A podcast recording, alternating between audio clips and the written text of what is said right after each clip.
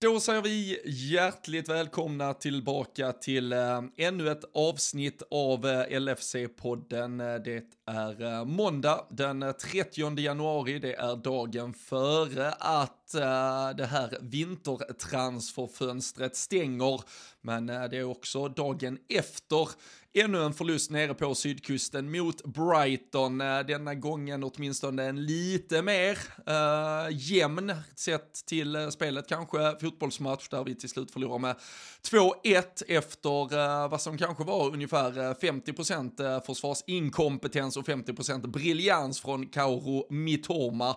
Vi uh, ska väl såklart prata en del om den matchen. Vi ska väl prata om det här ja, men avslutande eh, delen av det här transferfönstret som enligt Jürgen Klopp ska bli väldigt lugnt och stillsamt. Och eh, sen väntar ju faktiskt match i eh, Premier League denna gången mot Wolverhampton på lördag. Men att prata just eh, matcher mot Brighton, matcher mot Wolverhampton, det är ju ungefär det vi har gjort den eh, senaste månaden nästan. Så eh, vi får väl se om vi hamnar på sidospår. vi har ju en lokal konkurrent som vi dessutom snart ska gå upp mot, som har fått ny manager också. Så äh, där finns nog att plocka från i godisfabriken. Så låt oss öppna upp den och äh, låt oss äh, välkomna in äh, godismästaren himself, Daniel Forsell.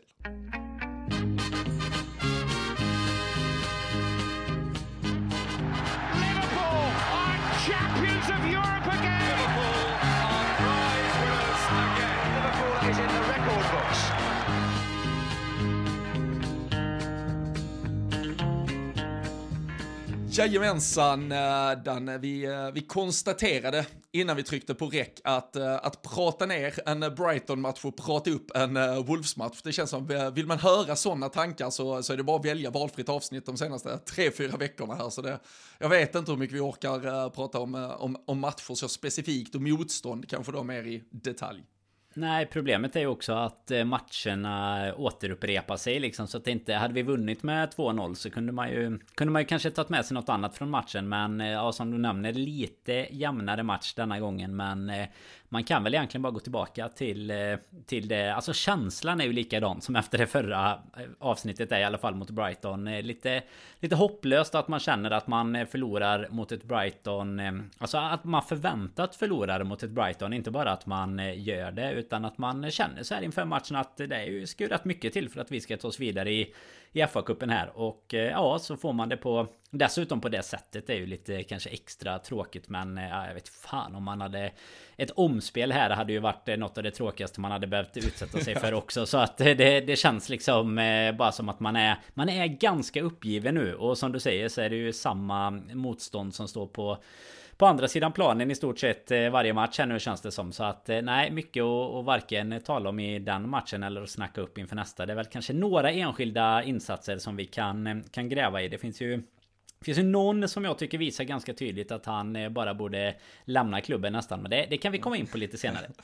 Ja, vi, vi, vi ska väl ta massa olika grepp kring detta. Vi, vi kan ju konstatera att vi, vi är utslagna ur FA-cupen och som du sa, det kändes väl som att Uh, inte ens Jörgen Klopp kanske ville ha ett uh, omspel. Det, uh, jag förstår att han såklart inte tänker så, men det var ju byten som jag personligen kände kanske gjorde oss lite, några procent sämre och sämre och sämre tills vi till slut helt enkelt var så pass dåliga så att Brighton kunde sticka kniven i oss. Ehm, jag tyckte att ehm, Craig, jag tror många var inne på samma tankar och spår, men det var Craig Hanna som är, han är ju en del av The Anfield Rap, uh, han uh, skrev på Twitter efter matchen, uh, problemet om vi startar Fabinho och Henderson det är att vi är urusla då, problemet om vi börjar med dem på bänken är att vi antagligen måste byta in dem och då är vi urusla då istället. Det var, det var, det var ju såklart lite hårt och i den här matchen så ska det ju verkligen understrykas att Fabinho hade ett, ett större hjärnsläpp än, än Jordan Henderson. Det, det är kanske det, vi hade ju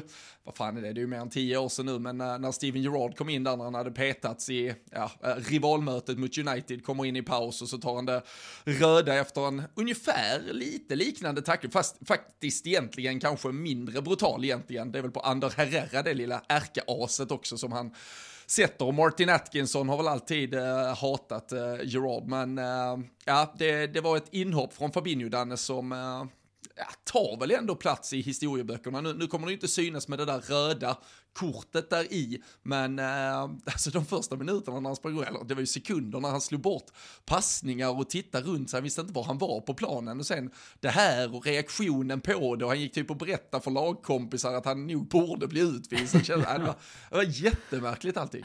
Ja men det är det som... Eh, det, det är ju exakt han jag också är inne på där i mitt... Eh, I min eh, korta rant här i början. Det är just Fabinho och det som gör inhoppet sämre än Gerard är ju att han hinner ju göra massa kaos innan han... Innan han tar det här som skulle varit ett rött men som... Eh, som han ändå klarar sig ett gult och alla kanske bara hade tjänat på att det hade blivit ett rött istället. Men... Alltså framförallt som du säger, alltså dels då om vi börjar med det att han, han slår liksom bort passningar, han vet Alltså han vet inte själv vart han är och ingen av oss som tittar på fattar vad han eh, har för instruktioner eller vad han själv tror. För att han är ju på, på liksom fel ställen om man jämför med sin egen position han brukar ha eller liksom de som har spelat innan honom. Men alltså framför allt det här typ uttrycket när han Ja du vet tacklingen då sitter han ju typ och blundar och så här aj aj aj. Det är lite som att det, det blir nog rött kort detta eller det var inte så bra. Men framför allt det, det du säger efteråt när han går typ och pratar med om det händer så jag kommer inte ihåg vem det är han eh, går förbi men Joe han typ, Gomez tror jag det är. Det Ja så, alltså an, antingen säger han ju typ att eh, det, det blir nog rött Eller så är det ju typ bara så här jag vet fan inte vad jag gör här. Eller du vet alltså det, det är bara så, här, så, så var känslan. Typ. Att han typ ville snacka med honom alltså så här, alltså fan jag är nog full alltså jag borde nog gå hem från den här typ festen. som om du, ty, typ om du och jag är utomlands som man eh, har en snefylla och går på krogen och bara så ställer sig och lutar sig mot axeln bara, men alltså jag borde gå hem nu. Det, det känns eh, Det känns inte som att jag riktigt vet vart jag är. Jag borde bara ta mig hem. Alltså lite den eh, uppgivelsen liksom fick man från honom och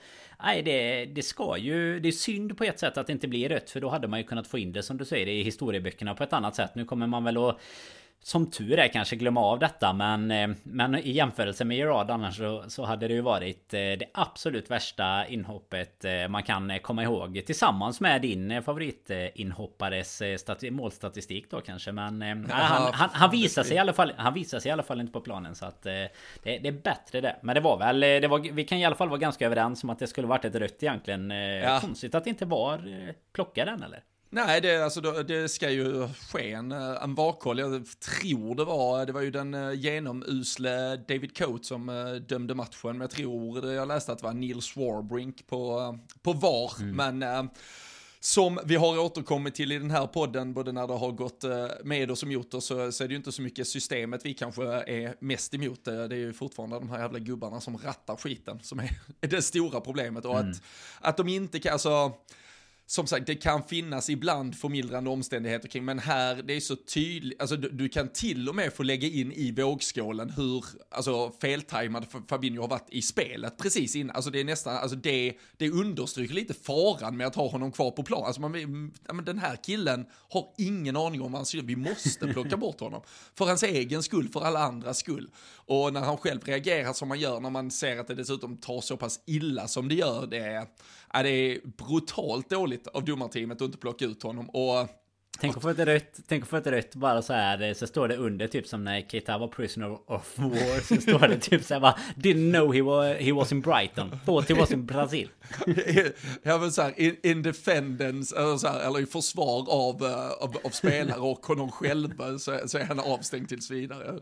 Det är ju ganska många och då är det ju Liverpool-supportrar som har pingat in FA på sociala medier för att säga, ska ni inte granska det i efterhand liksom? Vi, vi, vi är okej okay med att ni tar ett par matchers avstängning på honom. Det, äh, det är ju, i, dessutom då att det korrelerar någonstans med en eh, period där eh, framförallt framförallt Manchester United-fansen vill eh, lyfta fram Casemiro som ja, men hela världens bästa fotbollsspelare i stort sett och framförallt då som den här murbräckan, den här skölden, den defensiva, ja men det jävla fyrtornet som vi såg Fabinho som, och som han var för åtta månader sedan. Alltså mm. bland de absolut bästa mittfältarna i hela världen. Och när nu då våra, de är ju inte konkurrenter, men de topplag vi vill slåss med, uh, då stoltserar med ja men kanske de tre bästa i hela världen just nu i Casemiro, Rodri och Thomas Partey. Så ja, det är, det är en sällad, vi har pratat här med att uh, laget har kanske fallit ihop snabbt och att det på något sätt kan vara positivt, men att en spelare faller ihop så här snabbt, det, det är ju inte bra för det, det gör ju att det är omöjligt. Alltså jag kan ju förstå inför säsongen att tanken kanske var att bygga om mittfältet nästa säsong. För ingen, inte ens du och jag, som de jävla genier vi är, kunde säga att det skulle gå så här illa för Fabinho, Henderson och uh, ett gäng till. Nej men det kunde man ju inte göra och inte för hela, hela laget. Alltså man, man har ju högt ställda förhoppningar efter, efter den säsongen vi hade och man förstår ju att liksom både Alltså både vi var ju det och, och spelarna var ju det såklart också. Alltså mentalt eh, tömda och dränerade liksom framförallt när det slutar som Ja men som det gör i både ligan och Champions League trots att vi får med oss två pokaler då men eh, Nej, alltså man... Eh, vi, vi har ju varit inne på det innan också att det syntes ju inte ens när säsongen drog igång där med, med Community Shield och, och sådär. Så att man blir ju ännu mer förvånad över Alltså både, både laget såklart har vi pratat om väldigt mycket så det, det behöver vi väl inte komma tillbaka till. Men just enskilda spelares liksom om det nu är stagnation eller om det bara är... Alltså det, det kan ju inte heller vara en formdipp som pågår i fem månader. Alltså det, det gör den ju oftast inte utan man dippar ju i några matcher och så kommer man tillbaka. Men känns ju som att... Eh, det, det, blir liksom lite så här hönan och ägget. Är det alla spelare som bara har passat på att liksom bli hur dåliga som helst? Eller är det, är det våran taktik? Har vi lagt om någonting som gör att folk inte fattar vad de ska göra? Alltså det är ju samma, vi kan ju, det är ju många vi kan dra in i samma fack. Kanske inte riktigt lika illa som Fabinho. Men jag menar en, en Mosala som ser helt eh, iskall ut eh, just nu också. Och, och, mycket på en gång. Och det är ju det, är det som gör som vi pratade om sist då när vi pratade Gakpo till exempel. Då kan man ju säga lite vad som helst där. Men alltså han ser ju verkligen inte het ut. Men det är ju också så här, kommer in i ett lag som är ja, men helt dysfunktionellt. Och ingenting i stort sett eh, fungerar ju förutom enskilda, ja, men enskilda eh, uppspel eller insatser i matchen. Men det känns som Typ som Henderson när han kommer in, alltså han han vill ju spela på ett sätt som hans ben inte riktigt typ klarar av. Alltså det är som att han så här, jag vill spela som jag har gjort de senaste åren men bollarna sitter inte riktigt där de ska och det är, det är inte för den delen kanske någon som riktigt har samma löpning och sådär heller men det är ju enskilda spelare som i så fall kommer upp i någorlunda okej nivåer i vissa matcher men eh, om det kan ju inte heller vara, för jag menar Klopp verkar ju vara otroligt eh, liksom stubborn i att vi ska spela den här, den här typen av uppställning och det här typet av spel. Så det kan ju inte heller vara liksom systemet som helt plötsligt har blivit för svårt för alla. Utan eh, Fabinho är väl verkligen fanbäraren i beviset på att det är extremt många spelare som eh, ja, men bara har gått sönder totalt mm. ja, de senaste, senaste halvåret egentligen. Ja, och det känns, alltså nu känns det ju som att uh, Stefan Bacicic är eh, alltså för, första namnet i, i startelvan ja, i, i stort typ sett. Och, nej, och, och då har han ju de två senaste matcherna fått spela från typ minut 10 med ett gult kort dessutom. Eller, ja, nu, jag minns inte exakt när det var här, men det var, det var ett ganska tidigt gult kort nu också och spela i den rollen därifrån.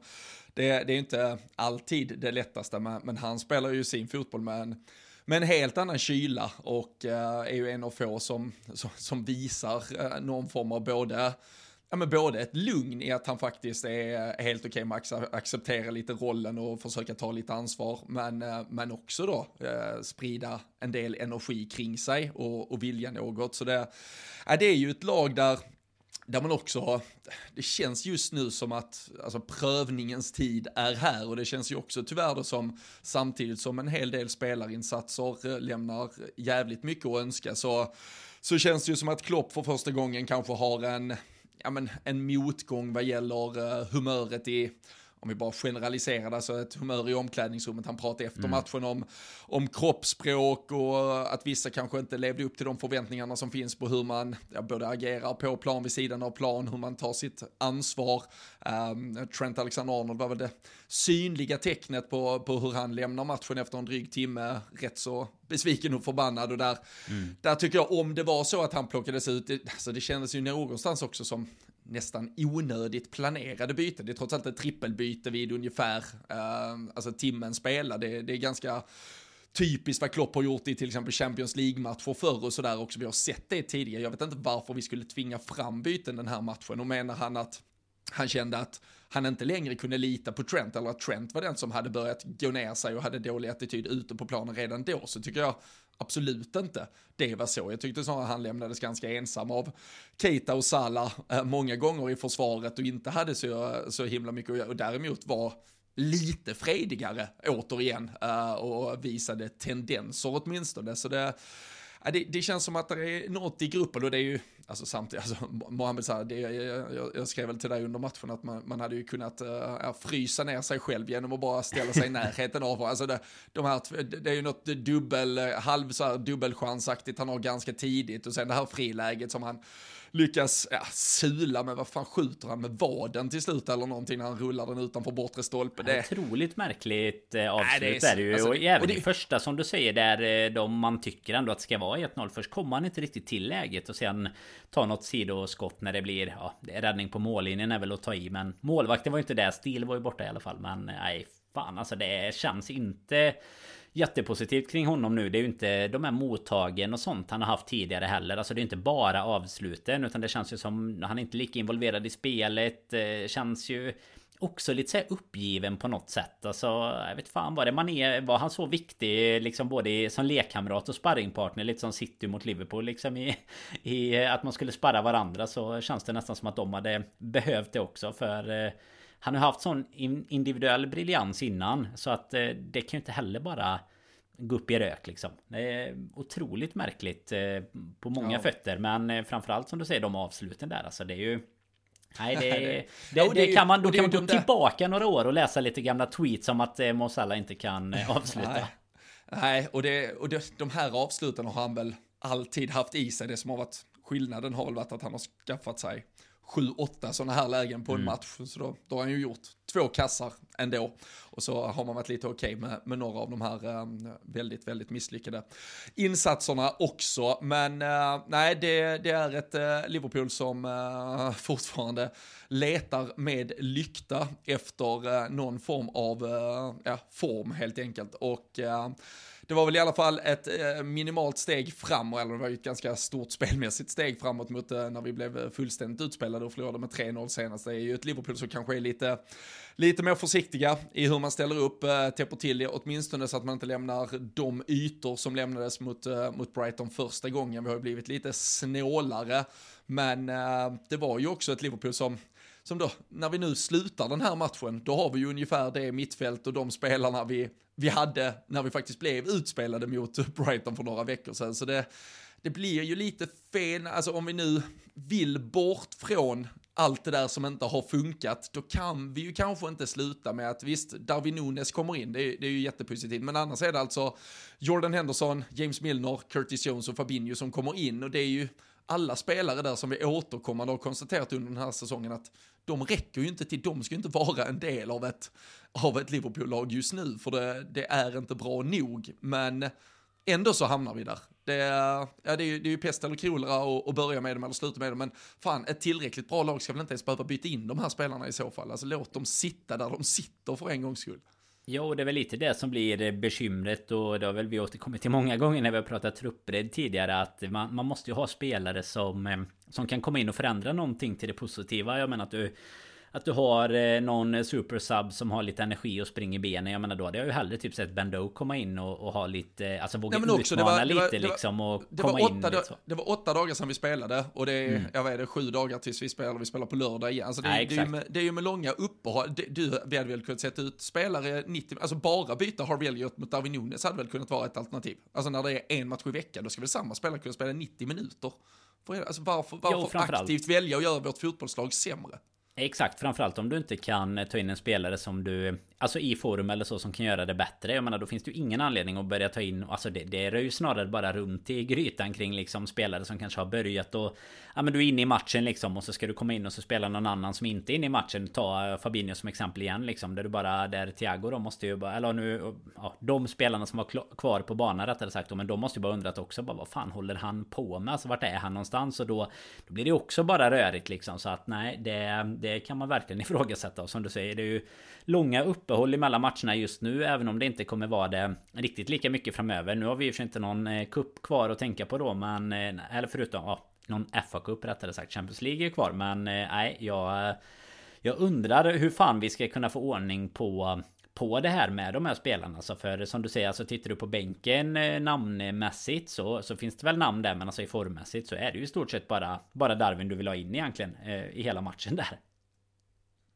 Och det blir också så med, alltså för, vi satt här för två veckor sedan, då var ju Oxlade Chamberlain ordinarie, och vad pratar vi om då? Att han startade sin fjärde match på raken mm. eller någonting. Nu gör vi fem byten och då kommer han inte, i, alltså, och han var väl, alltså han var ju absolut dålig, men han var väl en av dem som kanske skämde ut sig minst i några av de här matcherna. Så det är också, ja det är jättemed. Och, och att det här valet att Joe Gomez nu helt plötsligt går före Matip, och så, och så står han på samma tuva och får en boll skickade in båge över sig för att han sätter röven till och så släpper vi in ett mål. Alltså det är, äh, man blir för fan, ah, alltså de är, alltså, ah, en kollektiv jävla kollaps på detta planet. Det är, äh, jag, jag kan inte minnas att man har sett det i de andra, alltså storlagen som har fallit från höga höjder. Det här är smått unikt i hur mer eller mindre samma spelare bara har klivit ut från samma avsats och hoppat på samma gång.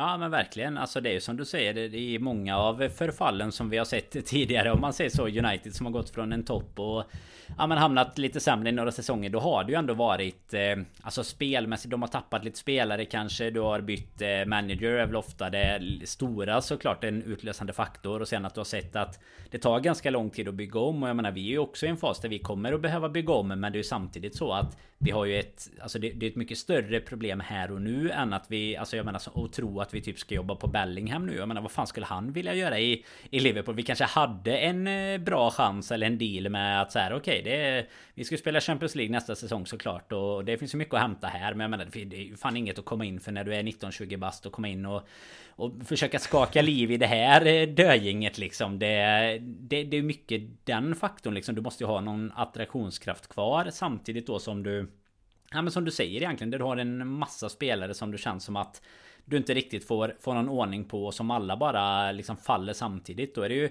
ja, men svårt att se. Det, det, är ju liksom visst, vi har eh, Real och vi har chansen att ta oss långt i Champions League. Men eh, det är ju inte riktigt det man ser framför sig och då är det ju helt plötsligt, alltså när man tittar på de lagen vi har framför oss, alltså det är ju realistiskt att tro att vi ska komma typ där vi ligger nu. Alltså 7, 8, 9, 10. Alltså det finns ju ingenting just nu som indikerar att vi skulle ta oss mot, eh, nej, men mot några högre tabellpositioner. För det är ju lag som Brighton och de som är piggare, hungrigare, alltså som ligger före oss. Och eh, som du nämnde här i intro tror jag det var, eller om det var precis i början så ehm, så stod ju Klopp efter press, på presskonferensen också och återupprepade sitt eh, mantra om att det är liksom ingenting som ska hända här på transferfönstret utan ehm, det, det, truppen är bra som den är ungefär. Och då är ju fan frågan vart vart den här säsongen ska ta vägen. För att vi tror ju och hoppas hela tiden att vi nu börjar vi om och nu har vi den här kuppen och nu... Men det, det är ju liksom...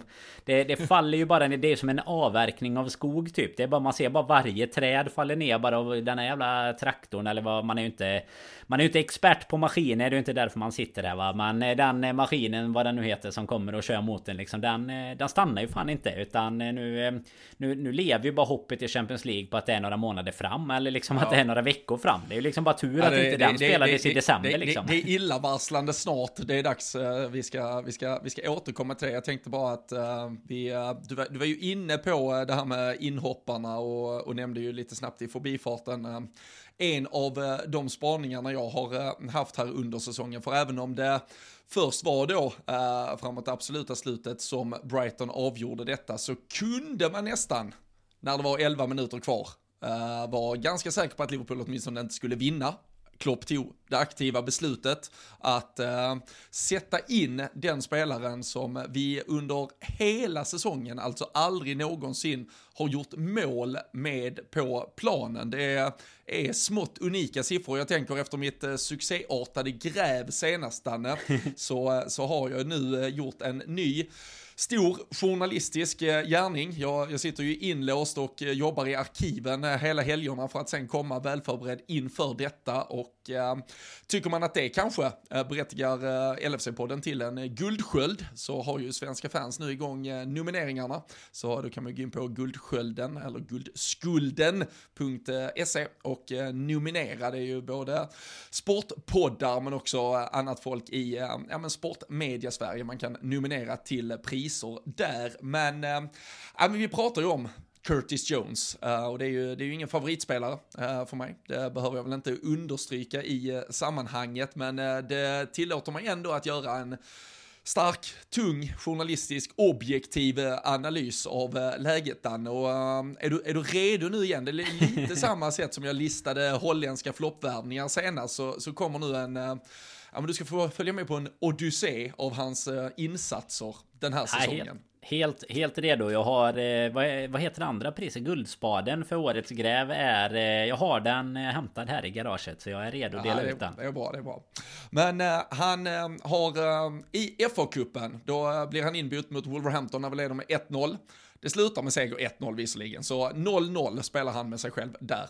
Mot Brighton nu här, då står 1-1, sen kommer han in, får ett inhopp på 11 minuter och då lyckas vi gå och förlora. I Champions League, då startar han mot Napoli. Det står 0-0 i de 73 minuterna han spelar. Direkt han kliver av, ja då går Liverpool ifrån och vinner med 2-0. Mot Ajax, då leder vi med 3-0 borta. Kanske en drömchans för han att komma in, gör ett inhopp på 27 minuter, kanske kan vara med och öka på där. Nej, då slutar matchen 3-0. West Ham i ligaspelet står 1-0, eh, slutar 1-0, han gör ett inhopp på 33 minuter.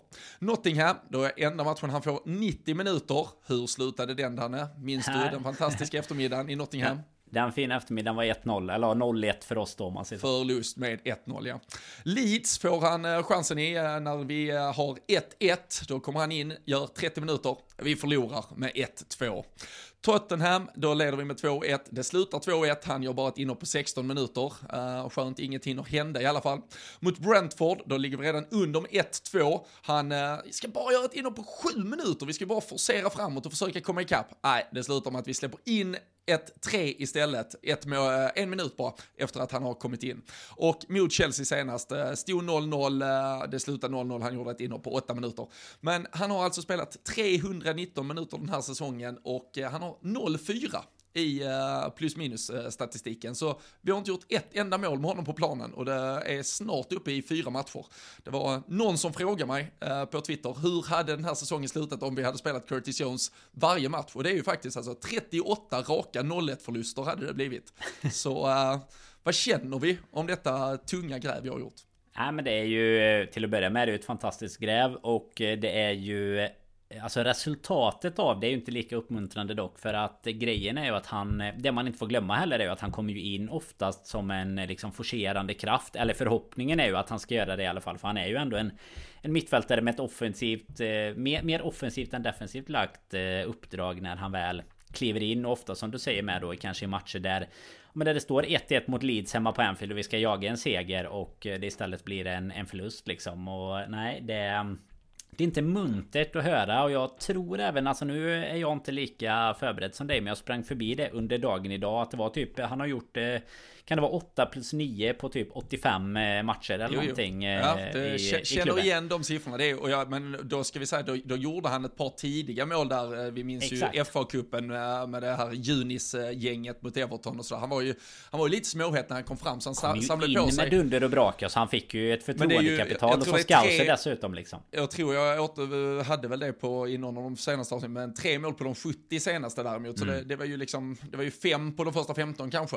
Och sen då har det gått uh, lite Han fyller ju år idag dessutom, så det är en jävla present han får av podden. Att uh, vi har uh, synat han i sömmarna. Men uh, det, är, det är ju bara att skicka till Championship. Det blir ju Sheffield United eller något sånt för honom. Nej men det är det ju. Det är ju dags. Det är ju definitivt dags. Men han har ju, alltså tittar man åldersmässigt och sånt med så finns det ju fler som kommer underifrån. Jag menar typ som en, en Harvey Elliot som väl är den som närmast kanske kommer Kommer ifrån matchen igår här med, med godkänt och sen har du ju alltså som många också ropar om liksom eh, förvåningen. Vi var inne lite på det var väl senast mig att en Carvalho ifrågasätts och spelas mindre än vad en Curtis Jones gör bara för att eh, han kanske heter Carvalho och inte Scouser liksom. Så att nej det är väl det är väl tyvärr bara att klippa banden med honom och flera andra för att eh, liksom han, han ska väl inte vara en del av den återväxten och det vi vill eh, bygga Nej, upp på nytt. Utan jag menar dessutom en klubb i den ställningen. Jag menar, hade, hade detta varit Hade detta varit innan man hade några förväntningar och vi satt där för typ 10 år sedan. Ja, men då, då hade man fortfarande tyckt så här okej okay, men han kan väl vara på, på bänken och göra sina inhopp. Kanske förbättra sin statistik lite jämfört med det du hade grävt fram. Men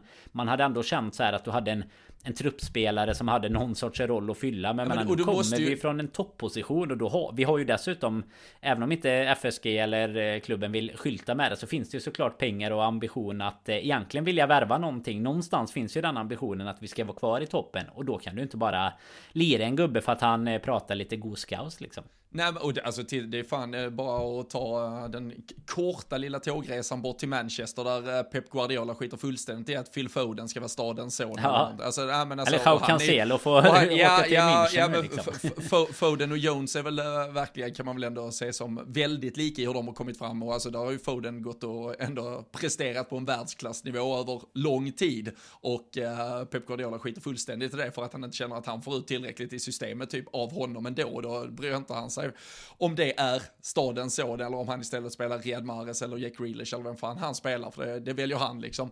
Och äh, nej, som du säger nu, alltså hans... äh, Ja, hans sätt att uh, vara stenhård. Klopp pratar om att det är ju visst bra med viss lojalitet, men har det varit för mycket lojalitet? Och det, det har väl vi konstaterat att det nog har varit i, i många fall. Och det är, det är ju talande när man ser som du säger Pep Guardiola som bara för att han inte har eh, funkat tillsammans med Joao Cancelo nu i tre, fyra veckor typ så, ah, du får gå till Bayern, vi, jag skiter i dig, jag tar en 18-årig Ricky Lewis och formar om honom istället så kan du dra åt helvete. Det, Ja, det Det är, är väl ett av bud. dem. Ja men verkligen. Och det är väl ett av de stora diskussionsämnena som har varit nu den här säsongen i och med att vi pratar om en Alltså inte om Sala kanske i den bemärkelsen för han har ändå varit eh, från så höga höjder innan Men en Fabinho och några till Alltså där, där man liksom kanske undrat om du eh, Ja men om det är lite för mycket lojalitet med Klopp Alltså att du Att han gärna vill att bara för att en spelare har fungerat så ska det fortsätta fungera i stort sett. Och, och det kommer ju tyvärr inte funkar riktigt. Sen har du kanske inte riktigt lika liksom eh, djupa fickor som ett Manchester City. Där har du ju också en, en truppbredd på ett helt annat sätt. Men det är ju inte det enda exemplet på, jag menar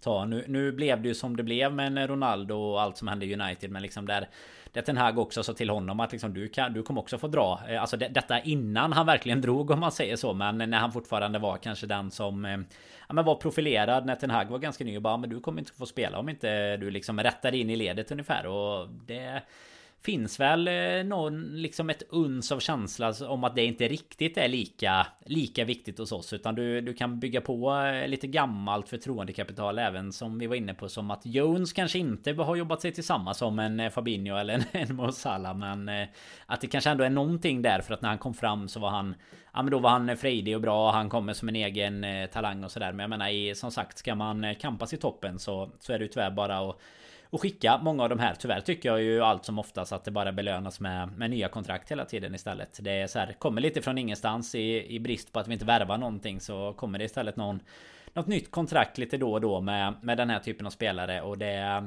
Nej, det är ju inget som eh, gör en så jäkla glad eh, längre faktiskt. Nej, nej, och nu, nu, nu är vi väl i en situation där man kan argumentera för att vi har alltså en lista på Naby Keita, Fabinho, Oxlade, Curtis Jones, Milner och om man vill vara riktigt hård, Jordan Henderson, som egentligen kanske inte är tillräckligt. Då har vi alltså sex mittfältare som inte, som inte riktigt duger uh, för ett, uh, ett lag på den högsta toppen. Sen, sen någonstans i både Jordan Henderson och Fabinho finns väl förhoppningsvis en spelare som ska kunna spela en, åtminstone en trupproll i detta Liverpool-laget. I Naby Keita så handlar det ju väldigt mycket mer om skador och helt andra parametrar, men att vi är på så djupt vatten så att det är så många spelare som man inte känner eh, bör vara en naturlig del av eh, det här framtida Liverpool i alla fall. Det, det sätter oss i en situation som eh, klubben då dessutom verkar lägga helt i händerna på sommarfönstret för eh, det är bara lite drygt ett eh, dygn kvar. Vi sitter här måndag eftermiddag, tisdag kväll stänger fönstret och eh, Klopp sa efter matchen att eh, nej, det blir ingen business. Vi är, alltså, ja, jag, jag tyckte att orden kanske böjdes lite. Alltså vi, vi är nöjda med den truppen vi har. Det är väl mer att alltså vi, vi har det vi har Ja, eh, och, och vi får vara nöjda med det. Det. Det spreds som ett citat om att han var, alltså det, det lät ju nästan som att i, I skriven text så lät det som att han hade uttalat att han var väldigt, väldigt nöjd. Det, jag tror inte han är skitnöjd med spelarna eh, han förfogar över just nu, men eh, skit samma. Eh, och det enda lilla som kom från, från ryktesvägar här under måndag förmiddagen var väl att Liverpool tittar på eventuella låneerbjudande igen. Vi hade ju Arthur som kom på deadline day i somras och har väl gjort, vad är det, 16 minuter än så länge för klubben ungefär. Han skulle väl vara två, tre veckor bort, så kamp mot klockan för att han kliver rätt in mot Real Madrid och avgör Men uh, nej, det verkar inte som att vi gör något nu och då, då är det den här kortleken, eller handen av kort vi har att spela resten av säsongen. Ja, och då är ju också frågan lite som jag var inne på innan. Jag menar, du, du sätter ju det inte i en eh, mycket, om inte nu vi mirakulöst lyckas och, och liksom komma igång och göra en, en supervår här som eh, inte jättemycket tyder på. Då, då känns det ju inte som att man stärker eh, heller den, den kortleken. Det är inte bara kungar som vill in i, i leken. Liksom kungar och S som vill in i laget om vi, om vi slutar på en stabil mittenplacering utan något Europaspel egentligen. Sen är det klart att det finns en hel del annat i Liverpool som fortfarande lockar. I alla fall om vi inte gör det liksom två, tre raka säsonger när man, när man börjar hamna på lite längre ner kanske på listan. Men eh, jag menar just nu så är väl det också ganska störande kan man tycka att vi Det känns som att vi hela tiden blir omsprungna på de transfermålen som Som vi har verkat ha. En Caicedo Nu bara medan vi sitter här och spelar in så ryktas det om att Chelsea har lagt ett Rekordbud på, på Enzo Fernandes och liksom det är många av dem som som vi har snackat om som eh, inte heller känns som att de blir kvar och eh, är tillgängliga för oss i sommar utan det känns som att de eh, ja, men att de försvinner och så sitter vi kvar med rykten om eh, Sandeberge och vad fan var det mer? Eh, det var två stycken häromdagen i Sandeberge och någon mer som man bara kände att nej nu är det Nu är det Konchesky-tider och Paulsen-tider här igen. Ah, ja, det är tur kanske att jag inte kommer på det för då kanske jag bara hade fått Fått stänga av direkt och gå och lägga mig i fosterställning här istället. Ah, nej, men det, nej, det, det är ju absolut inga... Men vad tror du typ där? Alltså vad, vad tror du händer med typ om, om det nu har funnits någon liksom substans i Bellingham-biten? Alltså vad, vad händer om vi kommer tia och eh, och det ser så här jäkla illa ut. Det kan inte vara lika intressant för honom att, att ansluta. Oavsett Nej. om Gerard bjuder på en pangmiddag i, i Dortmund. Ja, ja, nere i kolgruvan. Alltså dessutom så, alltså han kommer väl inte stanna i Dortmund, Dortmund går ju, för en gångs skull så knackar det ju lite faktiskt för Bayern München. De har väl tre raka kryss eller någonting, alltså det är ju både Leipzig och Dortmund och eh, ja, det är väl de framförallt då som, som jagar på. Dortmund vill väl ändå försöka ge sig in i tid. Jag tycker efter varje Dortmund-match nu och segrarna, han är väldigt aktiv ute på sociala medier, liksom att, eh, ja men typ tillsammans så ska vi se hur långt den här säsongen kan ta oss eh, i stort sett. Så han, han går ju dessutom alltså boostad från VM och med en sån här som kan bli då en väldigt fin och fantastisk avslutning i Dortmund. Alltså det, han är ju i en period av sin karriär där allt bara blomstrar, mm. alltså där det fullständigt sprudlar om eh, både honom och hans fotbollsspelande. Han gör ju mål var varannan vecka också, han är väl uppe på typ så här tio Bundesliga-mål. Det är, har väl inte vi gjort av, alltså det är väl inte en mittfältare under hela Klopp-eran som har kommit upp i tio mål i stort sett. Så det är, nej, att han ska, Alltså, det har vi väl återkommit till för att det finns så mycket andra parametrar med alltså, väldigt långa kontrakt och tron på vad man tillsammans med Klopp och lovord om eh, mer investeringar och såklart feta kontrakt och eh, stora summor till höger och vänster så så kanske inte uh, slutplaceringen i årets Premier League-tabell kommer vara helt avgörande, men där måste ju i så fall finnas ett projekt att sälja in till. Mm. Uh, alltså, det, det, kan ju inte bara vara så här, nej men nu när vi inte förlänger med Milner så tar vi in dig och sen, sen, är, sen that's it, utan då ska du ju presentera en, en plan som kanske inkluderar ja, men både Bellingham och två, tre, fyra andra ganska bärande spelare i en ja, total ombyggnation av detta Liverpool-lag. Mm. Faran är ju lite att om vi inte har ett, ja men kanske inte ens har ett Europaspel alls nästa säsong, då ska man ju kanske snarare slimma truppen, så då kan vi ju i och för sig utnyttja det till att bara alltså, bli av med nu får alla känsliga ursäkta, men dödköttet uh, det har man ju fått kritik för, för att kalla Liverpool-spelare. men uh, man får se det i sammanhang. Och då, och då kanske man tänker att, ja men okej, om vi ändå kapar lite kontrakt där, Milner, uh, Oxlade, någonting, ja men då kan vi ju ha Fabinho, Thiago, Henderson, Bacetic och en till. Det räcker som mittfält. Alltså så att, då, nej men det gör det ju inte, för vi ska ju bygga om. Och det, den processen, vi måste ju göra det oavsett vart vi, vart vi landar under den här sluttampen av säsongen. Så det, jag vet inte fan vad det spelar in på, på Bellingham i stort och hur, hur långt gånget det redan är i de förhandlingarna. Då, då tror jag inte det spelar skitmycket roll. Sen, eh, Sen är ju eh, hoppet det sista som överger en och vi, vi pratade lite halvfulla glas senast och det, jag lyssnade på eh, Tutu Balutto här innan vi satte oss och de eh, är ju i, i Liverpool-perspektivet objektiva och liksom pratar ju ändå om ett ett Champions League-möte mot ett Real Madrid som, som också går lite eh, tyngre och det är två europeiska giganter och när väl strålkastarna eh, skiner upp på både Anfield och Bernabéu så, så kommer det vara ett stort jävla slag och vad fan, tar vi oss vidare där så kan ju allting hända i Europa men uh, det, jag, jag, jag hade långt till de känslorna innan jag hörde dem börja prata om det i alla fall. Ja men verkligen och det det har man ju och lite som vi var inne på senast så är det väl eh, Nu är det ju inte jättelångt kvar men det är ju eh, det, det är ju tungt i detta läget med där man känner att vi är många Alltså i i nio matcher av tio hade haft ett eh, övertag av bara den europeiska gigantdigniteten Strålkastarna på Anfield men Men här är det ju 50-50 istället i liksom Eller till och med kanske lite fördel om man nu ska räkna Om man nu ska räkna titlar men det ska man väl inte Men, men för Real liksom och framförallt då de eh, senaste åren med, med finalerna som de har vunnit och sådär så eh, i många fall hade man ju känt att vi kunde välta något liksom bara, bara på det. Men det gör vi ju inte riktigt med Real. Men nu kanske vi kommer Kommer istället då till en, eh, en ganska jämn spelmässig eller då, lika usel formmässig eh, liksom eh, uppgörelse med dem. Och då är det mycket annat som kan avgöra. Men där har ju vi lika mycket att spela för såklart i, i ligan bara för att ta oss en liten bit uppåt. Och lite som du är inne på gällande liksom en, en ombyggnation som, som vi redan vet kommer krävas och som vi har varit inne på. Men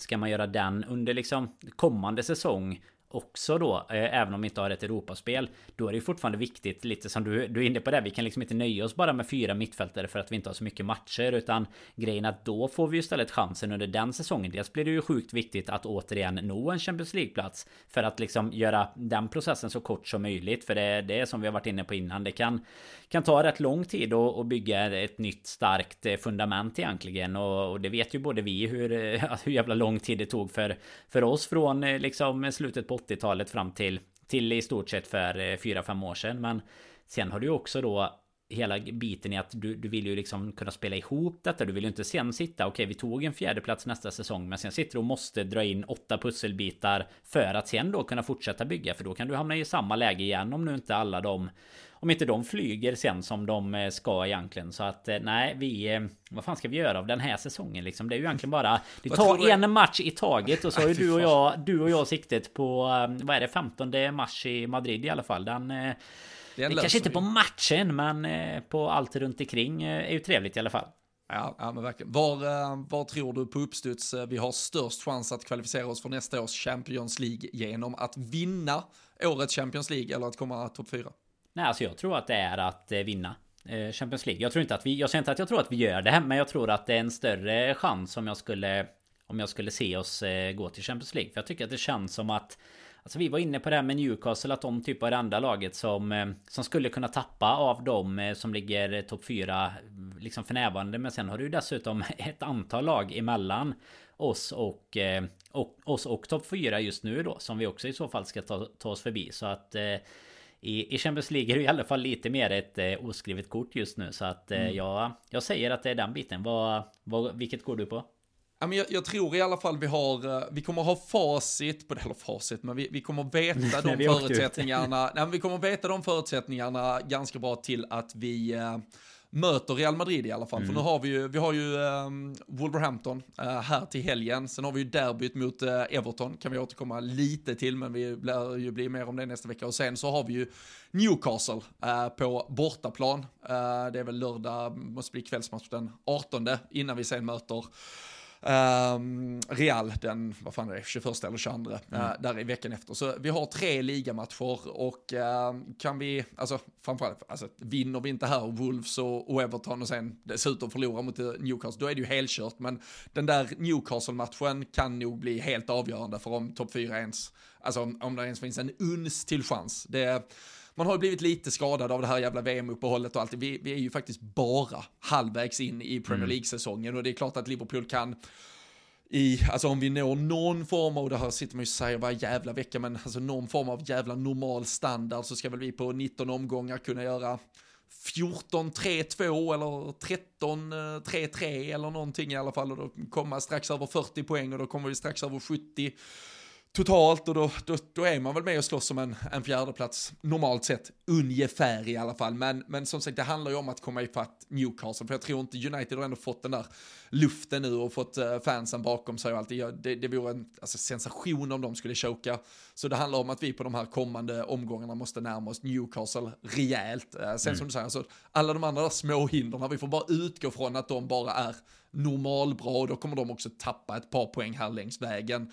Men eh, nej, äh, så vi, vi vet det efter att vi har mött Wolves för 415 gången här till helgen och sen då ett Sean Dyche-lett Everton och Newcastle. Men äh, man vet ju redan nu Dan att Sean Dyche kommer ju sätta alla jävla käppar i de hjulen och så, så är det över redan om två veckor. Ja men det luktar ju 0-0 den matchen i alla fall. Vi får väl se. Det blir ju, eller spännande är väl helt fel ord att använda. Men det blir ju intressant att se eh, hur, eh, hur liksom spelarna kommer ta till sig den typen av fotboll nu. Det kan vi ju förvänta oss att det blir en ganska cynisk, naiv och defensiv fotboll för att, ja men det här klassiska, ta in en brittisk manager för att rädda kontraktet, eh, spelet liksom. Det är ju nästan att eh, de bara skulle behållit eh, som interim Duncan Ferguson och bara slått långt i, ja vad är det, 19 omgångar även för dem eller 18 ja, han, de, han, är ju, han är upptagen med Forest Green Rovers nu, den veganska alltså. klubben. Ja, uh, som han har tagit över. Och uh, han erkände ju på presskonferensen där att uh, han har aldrig ätit vegansk mat. det förvånar mig. Det var, det var inte höga odds på att han var en veganätare. Nej, de... De har väl en jäkla... De har väl... Nu vet jag inte om de har gjort det men de har ju otroligt typ något sånt här miljöperspektiv. De har typ byggt hela arenan i ja, allt återvunnet alltså, trä och ja, alltså så här, ja, ja, men exakt. Ja, men det, det som du säger, ska man se det lite då i alla fall liksom halvfullt så är det ju i alla fall att vi har ju dessutom en match färre spelade. Det är väl mot Chelsea då den hängmatchen än eh, United och Newcastle. Så att det är ju möjligtvis bara sju eller nio poäng och inte, inte tio då som vi ska vara efter egentligen. Men nej, jag... Tycker fortfarande att den känns tuff. Sen är det ju Newcastle behöver ju börja släppa in mål. De har ju typ släppt in 10-11 ja, baljor bara. Tio, ja, de har väl 10 raka nollor. Ja, det är helt, helt sinnessjukt. Det är ja. faktiskt, eh, alltså de jag Med, såg med Dan i... fucking Burn i försvaret ja, ja. alltså. Ja, men även, eh, det är ju så här Trippier ser man ju att bara, ja, han är ju bra, men sen är det, sen är ju resten är ju inte så mycket. Och det är ju liksom Båtman och Burn och Kär är det väl. Det är väl, det är helt otroligt. Men där tycker jag fan jag har blivit jävligt uh, imponerad, alltså när man har lyssnat på Trippier i uh, sidospår nu, men i intervjuer efteråt så här, fy fan vilken, uh, vad det har varit en bra värvning på, alltså, mm. ja, obviously för, för Newcastle, men alltså så underskattat när man själv bara säger alltså till billig prislapp egentligen, men den kändes lite nästan slut på något sätt, alltså, mm. alltså, men men jag tror på samma sätt som uh, man nog kan prata Sinchenko in i Arsenal, alltså en spelare som kommer från Alltså, ja, han kom ju uh, från City, vilket såklart är en högre nivå än Arsenal de senaste 5-6 åren. Och, och Trippier då med all sin erfarenhet in i ett Newcastle. Alltså det, det är spelare som då har kunnat gå in, de har varit lite, alltså, ja men åsidosatta i, i ett större sammanhang i alla fall tidigare och då, där fått gå in som stjärnor och helvete vad de har tagit ansvar för de här ja. klubbarna och klivit rakt in och det just när man tittar på, på vår trupp nu och känner att fan ingen ingen bryr sig om någonting, så är det så jävla, jag, jag älskar ju de här spelarna som, eh, som går in och tar ansvaret som står upp fan när det blåser. Alltså, det är Robertson, det tycker jag ju ändå gör det. Jag tycker alltid han åtminstone försöker tala rätt och försöker visa det. Och jag tycker också att han är en av få som ändå spelar med någon form av bibehållen energinivå, mm. även nu. Men uh, ja, att spelare som, uh, ibland är det inte svårare att bli lite eh, småälskad om du visar lite jävla attityd i alla fall. Det borde, borde fler spelare kunna lära av.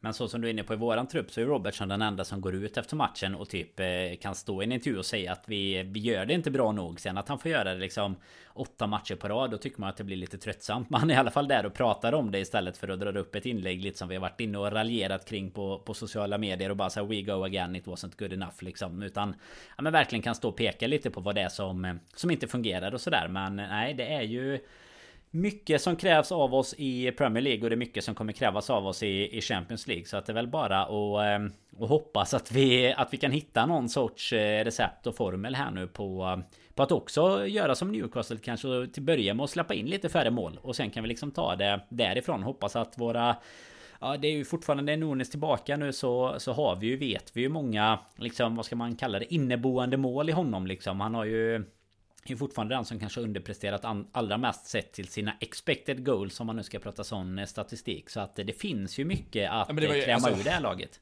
Ja, alltså, det, det, är ju, alltså, det är ju, man saknar ju tiderna när vi åtminstone vann fotbollsmatcher och satt och klagade på att Nunes kunde gjort fler mål. Alltså, nu, det, nu gör vi ju ingenting. Alltså jag tror i, i andra halvlek så, i, eh, där eftersom vi valde att själv nedmontera allt vad fotbollslag vi hade på planen så hade vi väl 0,11 i expected goals. Alltså, vi var ju ändå på 0,80 i, i första eller någonting och sen uh, blev vi rejält förbisprungna. Och det, det är ju anmärkningsvärt. Eh, jag vet att jag pratade inledningsvis om att jag, jag tror att eh, Cody Gakpo kan fungera centralt i ett eh, link-up-spel och, och, användas där. Men det, det är ju väldigt oklart än så länge exakt hur han ska användas. Han har ju mm. använts mycket mer till vänster i PSV, det är ju mer en naturlig position för honom. Och när man då ser Harvey Elliott när han kastas ut till vänster istället, vilket inte han fungerar särskilt bra. Han blev, jag tycker han blev felvänd och det blev märkligt på många sätt. Alltså han är ju bäst i, ska han nu spela så får han ju spela i Salah-rollen, får du putta in Salah någon annanstans istället. Och det känns som att